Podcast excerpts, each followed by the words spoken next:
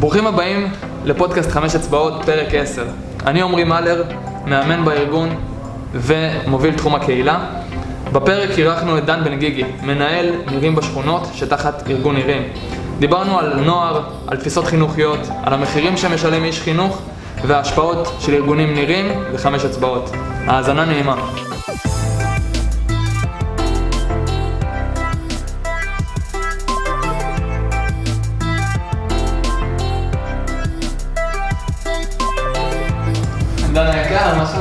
בסדר גמור, מעניינים. איזה כיף, איזה כיף לשבת איתך. אז היום ככה אנחנו באמת אה, נמשיך ונתעמק בכל העניין של אה, חינוך ועשייה חברתית, דרך העולם ש- שאתה מגיע ממנו, נראים בשכונות. וככה, לפני שבכלל נתחיל, אני רוצה לשמוע ממך טיפה על הרקע שלך, מאיפה אתה הגעת בכלל, התגלגלת לעולם הזה, מה הערכים שספגת מבית. אה, בשמחה רבה, זה קודם כל באמת מרגש להיות פה ותמיד זה נחמד. אז קצת על עצמי, אז קוראים לי דן. אני גדלתי, אני היום בן 39, גדלתי בירושלים אה, של שנות ה-80. זה קצת סיפור אחר ממה שקורה היום. אה, אבל באמת, אה, הרבה הרבה נוכחות ברחוב והנושא של קהילתיות לא היה שאלה בזמנו. זה היה חלק מובנה במציאות של אותם ימים. אה, וכאילו יורדים למטה ומשחקים ברחוב ובשכונה, מסתובבים בכדורגל ואוספים מהעצים אה, כל מיני פיניונסים, שזה צנוברים בירושלמי. אה, וזה החיים. אה, זה, זה ככה מבחינת הנושא של הילדות, יותר לכיוון הנעורים, באמת, באופן אישי לא לקחתי חלק בשום תנועת נוער. גיל מאוד צעיר, הנושא של הישגיות היה מאוד בוער בעורקיי, וככה התעסקתי בספורט מקצועני מכיתה אה, ח' עד כיתה י"ב, אה, בקפיצה במוט. אה, אני מניח שהרבה מאוד מהערכים שלי הגיעו מהעולם הזה של הספורט, ומן הסתם, וכמובן, בציר המשפחה והחברים. ואיפה איפה בעצם החיבור פה לעולם החינוך? זה גם דרך השירות הצבאי יותר, או שאתה חושב שזה איזשהו חיבור ילדות, נעורים, צבא? איך אתה רואה את הרצף שדרכו הגעת לעולם החינוך בסוף? אה, בסוף הכל מתחבר להכל, אה, אבל כנער, כמו שאמרתי, פחות זה לא היה עולם תוכן שלי. אה, יותר כשהייתי אחרי הצבא וניסיתי לחשוב מה אני רוצה לעשות בחיים, שיאפשר לי את הכוחות ואת המשאבים לעסוק במשהו לאורך כל החיים, עם משמעות, עם ערך, עם... עם אני לא יודע אפילו אם שליחות זה המילה הנכונה, אבל אה, משהו ששווה לקום בבוקר בשבילו. אה, טובת העניין, אם היית שואל אותי כשהייתי נער, מה אני ארצה לעשות כשאני אהיה גדול, סביר להניח שלא הייתי מציין להיות איש חינוך, איש חברה אה, וכולי. אה, זה משהו שהוא קרה לי, אני חושב, איפשהו בתחילת שנות ה-20 של חיי, ואין ספק שהשירות הצבאי היה לו איזשהו משקל בעניין. אני אגיד לך, אני מהמקום האישי שלי, התפקיד, נקרא לזה, החינוכי הראשון שלי אחרי הצבא היה מדריך במחזור א' של המכינה של חמש אצבעות. ועליי ברמה האישית הוא מאוד השפיע ומאוד עיצב גם את, האני מאמין שלי היום. הייתי שמח לשמוע ממך מה התפקיד הראשון שככה נכנסת לעולם החינוך, כי אני מאמין שהוא מאוד משפיע על המשך הדרך. אה, אז קודם כל, בהחלט, יש את ה... כמו האהבה הראשונה, אז יש את התפקיד הראשון, ואני חושב שלפני כעשור, כשהתחלתי לעבוד בנירים בשכונות, הייתי כבר עובד סוציאלי, והייתי כבר אחרי שנתיים אה, הדרכה באחריי של הכנה לצה"ל, ואחרי הכשרה מעשית במסגרת הלימודים, אבל אני חושב שהתפקיד שבאמת עיצב את תפיסת העולם שלי, החינוכית, טיפולית, קהילתית, היה באמת אה, לפני קצת יותר מעשר שנים, שהגעתי במסגרת נירים בשכונות לשכונת דורה בנתניה.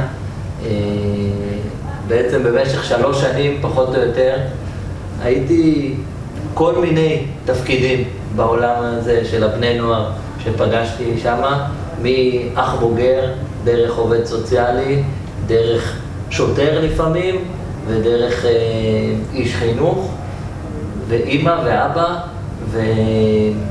והתפקיד הזה לגמרי לגמרי עיצב את uh, תפיסת העולם שלי, אה, בעשייה החינוכית, טיפולית בקהילה. אה, יכול להרחיב על זה המון.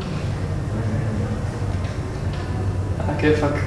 תראה, עכשיו, אתה מגיע מעולם, מנירים בשכונות, ובכללי כל, רוב ההתעסקות של ארגון נירים הוא במה שנקרא נוער בקצה הרצף, נוער בסיכון, מושג שאני אישית פחות אוהב אותו, אבל אני כן אשמח לשמוע מהזווית שלך איך אתה רואה בכלל את הנוער שמגיע אליכם, ככה דברים שאתה באמת מזהה מהניסיון שלך כבר בתחום הזה. אה, מעניין. בשמחה. אני, אמרנו כמה פעמים את המילה נירים, אני אגיד איזה שלושה משפטים על הארגון של עמותת נירים, כדי לחבר לקונטקסט. באמת עמותת נירים זה עמותת הנצחה לזכר לוחם שייטת, ניר קריצ'מן, שנהרג במבצע חומת מגן בשנת 2002.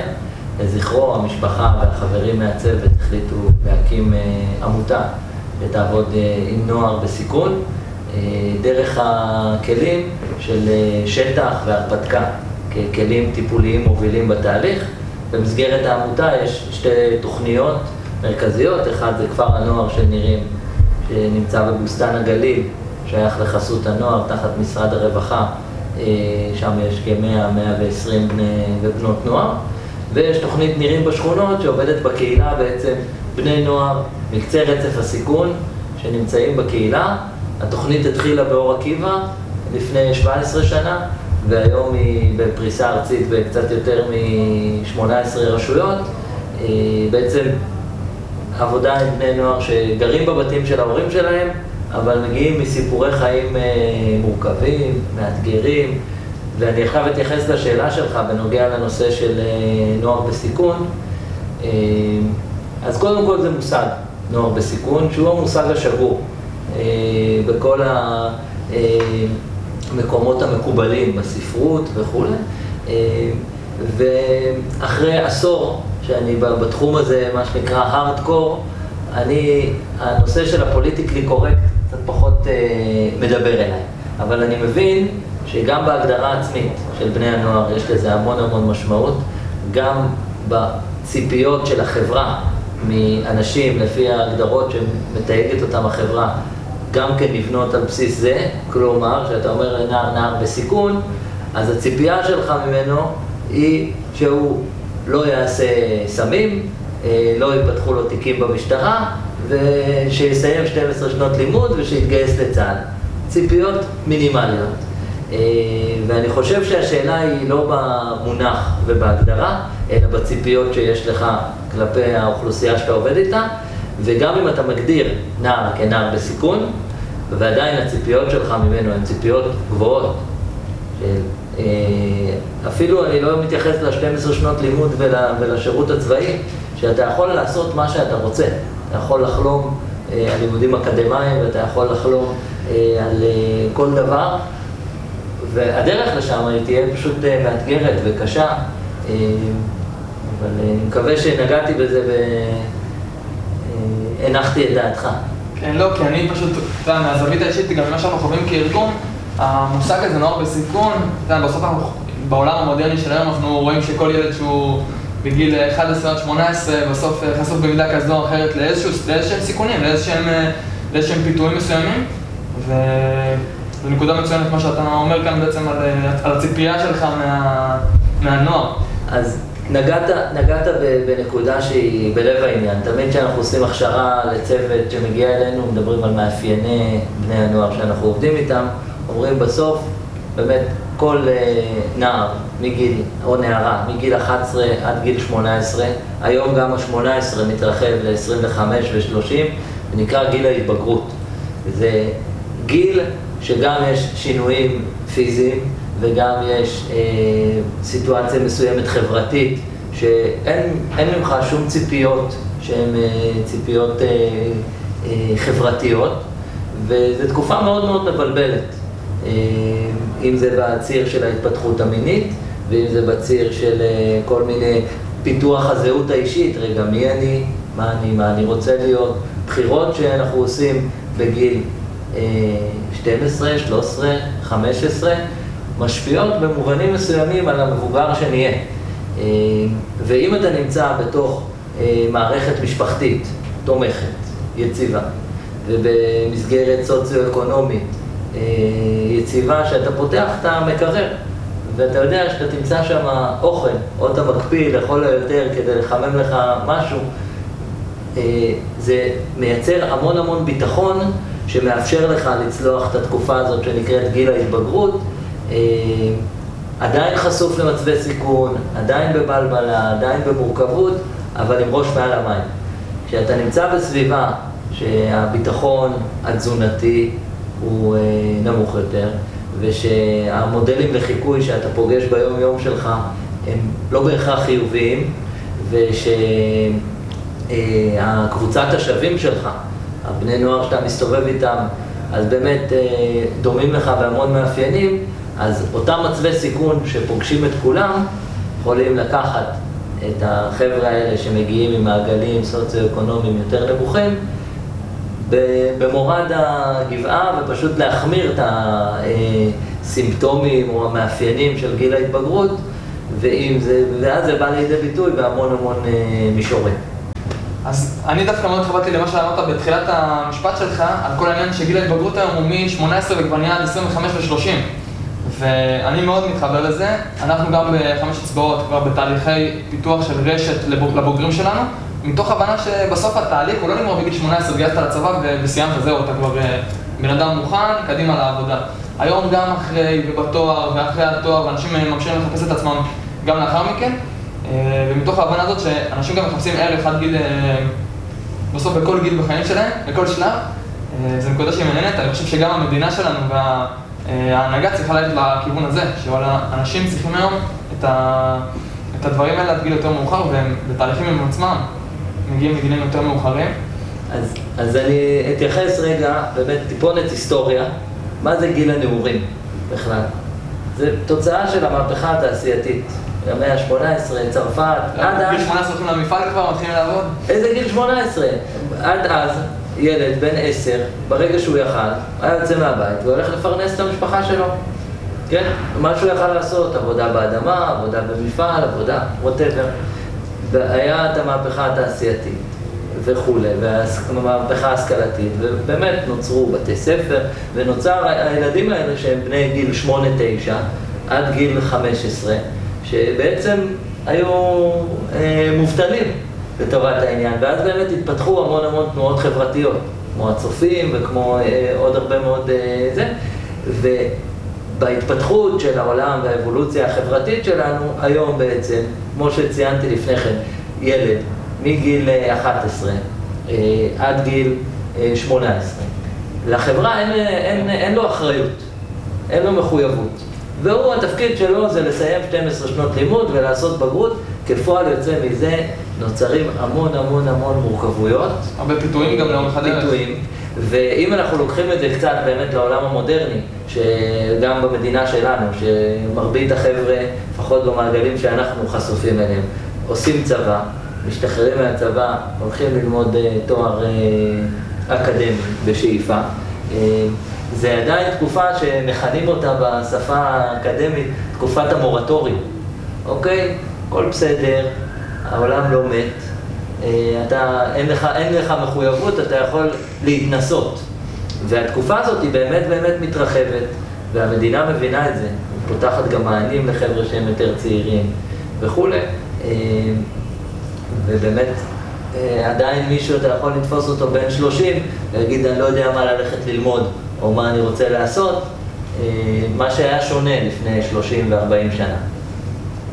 מעניין אותי, אה, בהמשך לזה, לשמוע ממך, מהזווית שלך, עם סוג הנוער שאתה רגיל לעבוד ובמה שאתה ככה באמת אה, מומחה לסיפור הזה, מה מניע את הבני נוער שלך יוצא לפגוש, בניסיון שלך? אה, כי זה משהו מעניין אותי, כי אני נתקל הרבה פעמים במקרים שכדי לייצר את ה... נקרא לזה ההנאה בעין של, ה...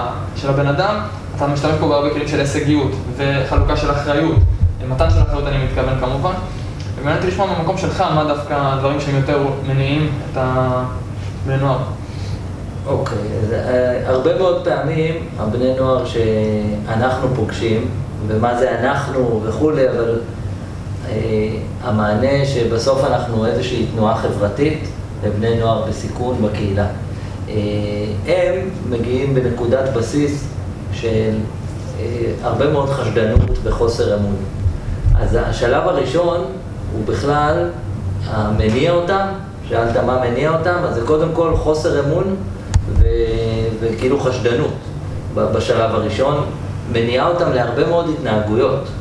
למקום הזה שאתה הולך ברחוב ונערים יכולים להסתכל, וזה, אז זה בא מהמקום הזה. זה מניע למקום שלילי. זה, זה, זה, זה הבסיס. כן. וברגע שאתה יוצר את החיבור הנכון, ואתה מנגיש להם את השירותים, בסוף אנחנו כתפיסת עולם באים אליהם, באים אל הבני נוער, אל הבנות נוער, איפה שהם נמצאים, זה יכול להיות בשכונה, בזולות, מתחת לבניין, או בבית ספר, בהפסקה, או בבית ספר מחוץ לשיעור, איפה שהם נמצאים, שם אנחנו פוגשים אותם.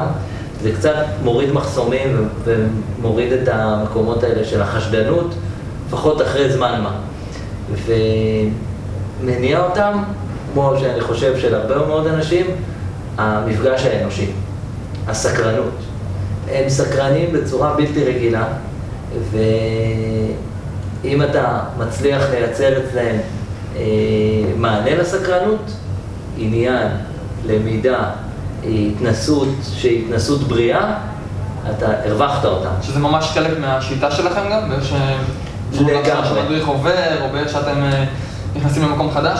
לגמרי. Uh, האמת היא שזה משהו שהוא תמיד צריך לחדד אותו, כי זה עולם שהוא משתנה והוא דינמי, וזה גם, כל מדריך יש לו את הדרך האחרת של לייצר סקרנות. אבל כשמאתרים בני נוער, קוראים לזה תהליך חיזור בז'רגון החינוכי. וזה קצת דומה גם, כמו בזוגיות של חיזור, שאתה לא בא בפעם הראשונה ואתה חושף את כל הקלפים. אתה צריך קצת לשחק אותה קשה להשגה, וקצת יכול להיות מסתורי. לייצר את היוקרה גם סביב בסוף הסמל. בדיוק, לייצר קצת משהו של, אה, כן, שיש עוד, אתה צריך להרוויח חלק מהדברים, ולא על הפעם הראשונה את הכל. אה, וזה, וזה כן, זו מיומנות שהיא גם נרכשת תוך כדי תנועה, וגם אה, משהו שהוא ממש, אנחנו לומדים אותו, איך מייצרים את התהליך חיזור ואיתור של הבני נוער, לאט, בהדרגתיות, לא לקפוץ מהר מדי, כי זה לפעמים מפחיד אותם ומרתיע. אה, אני אשמח לספר לך על איזשהו משהו יותר מהמקום האישי שלי, ואם תרגיש איתי מספיק בנוח, אולי גם אתה תאסוף ככה מהמקום שלך. כן. אני אספר על המקרים המרכזיים שבהם אני נתקל בחוסר אונים, אה, נקרא לזה במרכאות, מול הילדים, וזה בדרך כלל מול המילה הזאת שנקראת אדישות. זה אני מרגיש שהנוער שאנחנו עובדים איתו, המחלה העיקרית שלו, שהרבה פעמים פשוט אין משהו שגורם לילד לרצות טיפה יותר, טיפה להזיז משהו בעולם הזה, קצת לשנות, והרבה פעמים אני נתקל בסיטואציה שפשוט יש אדישות מוחלטת לסיטואציה, לעולם, לחיים, והייתי שמח לשמוע ממך על איזשהו מקרה שהרגשת בו קצת חוסר אונים מול משהו, שקצת היה קשה להתמודד פשוט. אה, אז קודם כל הרבה מאוד פעמים, אוקיי? המומחיות הכי גדולה של אה, בני נוער, אני יכול להגיד באופן כללי, אבל בני נוער שבאים מעולמות הסיכון בפרט, זה לייצר חוסר אונים אצל מי שעומד מולם. וזה יכול להיות המורה בבית ספר, וזה יכול להיות ההורים שלהם, וזה יכול להיות השוטר שהם פוגשים. הם מומחים בלייצר חוסר אונים. לזהות חוסר אונים ולחגוג על החוסר אונים של הצד השני. אה, אז אני יכול להגיד ברמה האישית שחוויתי את זה אין ספור פעמים. שיחקתי אותה גבר, והרבה מאוד פעמים ניסיתי לשים איזה מעטה או של איזה מבט, או של איזה צעקה, או של גבול, כדי למסך את תחושת חוסר האונים הזו. אבל אני חושב שתחושת חוסר האונים אה, אצלי פגשה אותי הרבה מאוד פעמים אחרי שאתה בתוך תהליך מאוד מאוד משמעותי ו... ועמוק עם אה, נער בצורה פרטנית או עם קבוצה. כמכלול. אה, ואתה רואה את הצדדים הכל כך כל כך איכותיים שבהם, ואת השאיפות שלהם, ואת החלומות שלהם, ואת היכולות המאוד גבוהות שלהם, ו... ואתה יכול אפילו להיות בדרך חזרה ממסע של uh, כמה ימים במדבר שהם הפגינו את כל האיכויות והיכולות שלהם, דבר קטן אחד, שהוא פשוט לוקח את כל מה שהיה אחורה. אה, ואתה עומד שמה, ואתה מבין את הסיטואציה, ואתה אומר, וואלה, אני בסוג של חוסר אונים, איך, איך אני לא יכול לשלוט בכל המשתנים. אה, זה קצת אה, בדוגמה שהיא גדולה, יש עוד המון המון דוגמאות קטנות. אני חושב שבסוף אם אני לוקח את מה שאני אמרתי, את הסיפור שלי ואת הסיפור שלך, בסוף יש מילה אחת שמרחפת מול הסיפור הזה, וזה אכפתיות. אני חושב שאם כחברה אנחנו באמת נשים את הערך הזה במרכז של אכפתיות, אם זה למורה לבית ספר, אם זה לחברים של, שלך, למשפחה, לזולת, באופן כללי, זה משהו שבאמת יכול לקחת צעד קדימה, וזה רלוונטי גם לחמש אצבעות נקרא לזה, גם לנירים, ובכללי כחברה. אני מאוד מסכים, ועוד פעם, האכפתיות זה, זה, זה כאילו היכולת לייצר אמפתיה כלפי הצד השני. להבין מה הצד השני מרגיש, וביחס לזה להתנהל.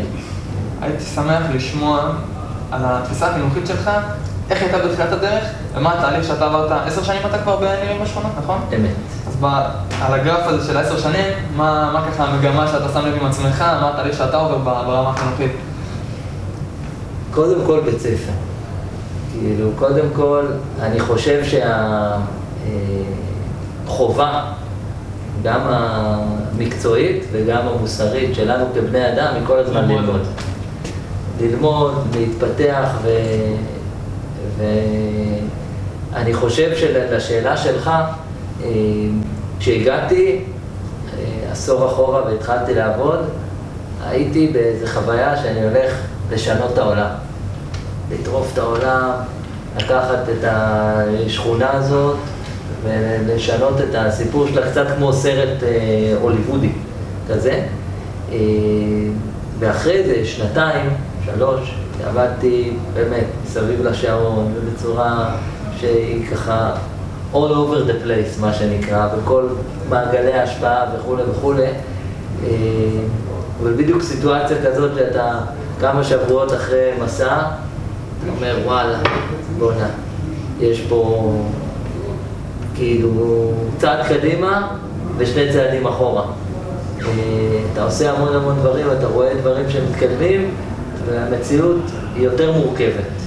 אה, ואז אני חושב שהבשילה בי ההבנה שבסוף אתה לא באת פה לשנות העולם, בואו נהיה טיפה יותר צנועים, בואו נשנה אה, סיפורים קטנים, בואו נשנה אה, סיפור של נער, בואו נשנה בחירה של נער, בואו נשנה מציאות של משפחה, שהנער הוא הרבה מאוד פעמים המוקד שיוצר המון המון סביבו issue ים במשפחה וככה קוראים לזה הכבשה השחורה של המשפחה אבל סביבו הרבה מאוד קונפליקטים וכולי. וברגע שהנער הזה, אה, הפלונטר שלו אה, נפתח ונפטר והוא נמצא במקום יותר טוב והוא סומך על עצמו קצת יותר והוא יכול לסמוך על אחרים אז פתאום המשפחה הזאת משתחרר בה איזה משהו ו- ולראות את זה, אז כאילו אני חושב, אם אני אתמצת את זה ממטרה גדולה של לשנות את העולם,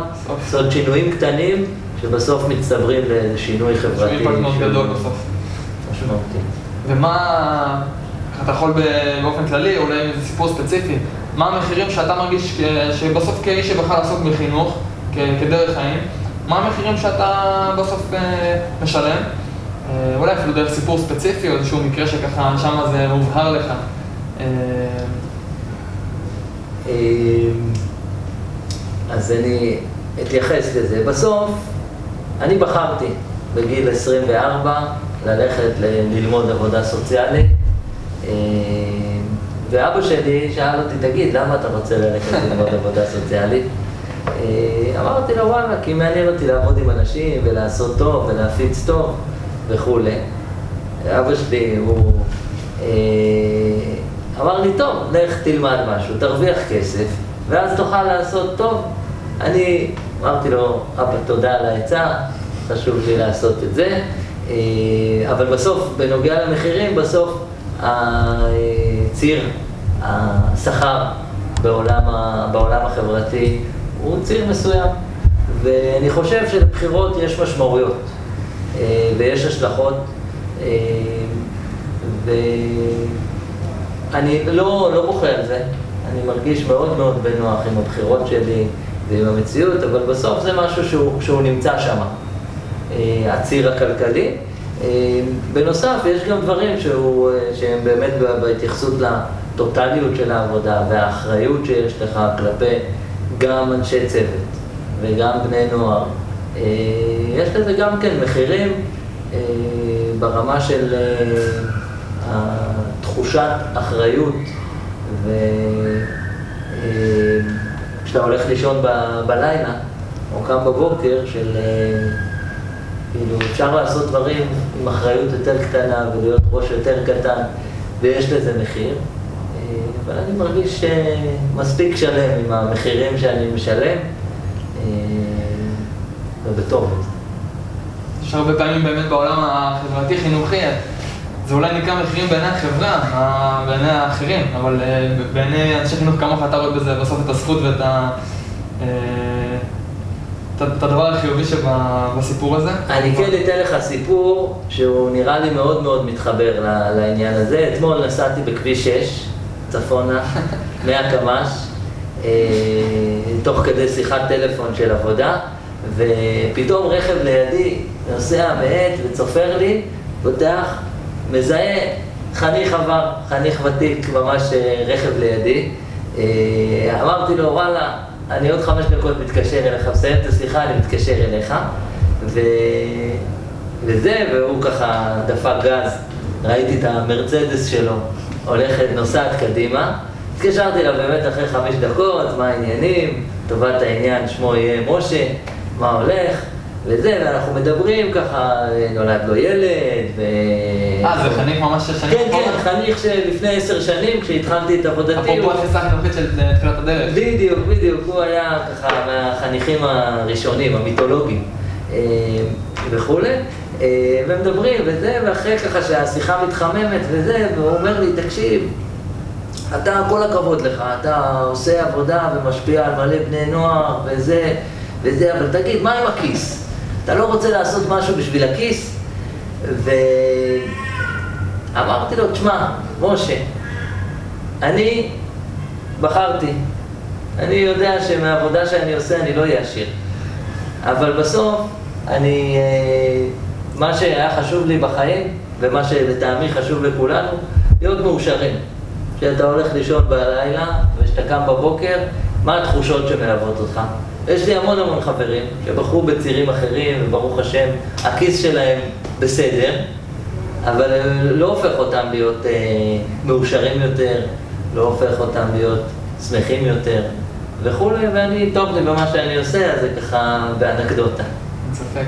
טוב, תראה, ככה לקראת סיום, הייתי רוצה לשאול אותך רגע, מה אתה רואה במשותף בין הארגון שלנו בסוף של חמש אצבעות, שאתה ככה מכיר אה, בצורה די טובה, לבין אה, ארגון נראים באופן כללי ונראים בשכונות בפרט, אה, ומה אתה, אתה חושב שבעצם יכול להיות במשותף לארגונים האלה, ומה הדברים שהם יכולים דרכם להשפיע על החברה הישראלית? אה, אז הדבר הראשון שעלה לי זה הנושא הזה של אמונה באדם. חוות השומר סטייל, אבל כאילו באמת העבודה עם אנשים והאמונה בכוחות שיש באנשים והיכולת להוציא כוחות מבני אדם, זה ברמה היסודית. אה, אני חושב, זה הדבר הראשון. הדבר השני זה הלמידה אה, על עצמי דרך החוויה. אני יודע שבחמש אצבעות אתה מאוד סביב החוויה הפיזית, הכושר והמנטליות וכולי. בנירים זה באמת סביב הצירים המנטליים ובאמת הלמידה החווייתית, אבל בסוף לקיים חוויה וללמוד ממנה על עצמי ולהתפתח דרך החוויה. אני חושב שזה שני הצירים המרכזיים שלפחות ברמה הראשונית הם אה, דומים. לא, לא יודע עד כמה אפשר עוד לחשוף את, את הסודות, אבל uh, אני ככה אחשוף את המאזינים שבאמת uh, כבר בשנה הקרובה צפוי שיתוף פעולה בין uh, ארגון חמש אצבעות לבין uh, נירים בשכונות. עכשיו ככה לסיום דן, הייתי רוצה לשאול אותך חמש שאלות קצרות וממוקדות. Uh, השאלה הראשונה, מי הדמות, אה, ככה, שתספר במילה על איזושהי דמות שמאוד השפיעה עליך, ומי זו? אה, חשבתי על זה לפני, אה, ואני חושב שאחת הדמויות אה, שהשפיעו עליי זה אחי. אחי הגדול, גדול ממני בארבע וחצי שנים. אה, ובכלל, יש לי שתי אחים גדולים, אח ואחות, אה, אבל בסוף זה לראות את הדרך שהוא הולך בה וללמוד ממנה. אה, חלק לעשות אותו דבר וחלק ללמוד מה לא לעשות, אבל אה, אין ספק. ספר שהיית ממליץ לנו לקרוא אותו. אה, הספר, זה הרבה זמן מאז שקראתי ספר אחרון, אני מודה. אני קורא הרבה דברים אחרים ולא ספרים, אבל החיים כמשל, של פנחס שדה, ספר מאוד מעולה. אני בדיוק סיימתי ספר עכשיו, ככה שאתה בא לי מאוד בטוב. סרט מומלץ, סרט אה, חומות של תקווה. סרט מדהים. אה, כן. תגיד לי, דן בן גיגי, אם לא היית אה, מנהל נירים בשכונות, מה היית? אם לא היית בכלל בעולם החינוך, מה היית? אני רוצה לספר לעצמי סיפור שהייתי איזה יזם סטארט-אפ ורגע לפני אקזיט אה, והכיסים היו מלאים. ומה בסוף? ומה בסוף? מנהל נירים בשכונה. מנהל נירים בשכונות, הכי טוב. נכון לעכשיו. שאלה אחרונה, מה אתה, כ- בסוף בכובע שלך כמנהל נירים בשכונות, כבן אדם שהוא באמת מתעסק 24/7 בעולם החינוכי-חברתי, מה אתה מצפה מאיתנו, כארגון חמש אצבעות, אה, לתת לחברה הישראלית בסוף?